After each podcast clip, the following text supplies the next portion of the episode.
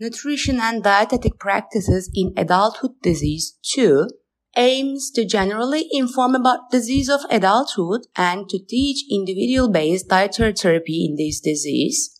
So, uh, after completing this course uh, successfully, the students will be able to explain the importance of prevention, improvement, and enhancement of the healthy health of the general society.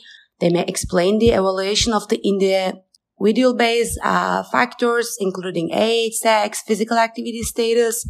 So they will be able to explain the making individual-based proposal and dietary planning. They will be able to uh, explain the general information about different different disease of adulthood, including bone and joint disease, hepatobiliary disease, kidney disease, infectious disease, psychiatric disorders, cancers, burns, allergies, and other immunity related disease.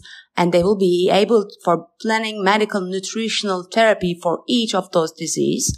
So they will be able to ide- identify the relationship between medical nutrition therapy and the disease. They will be able to explain the supplementary nutritional therapy and specific type of disease and they will become aware of the importance of food and drug interactions and they will know the general principles of test diets which are used in diagnosis or screening.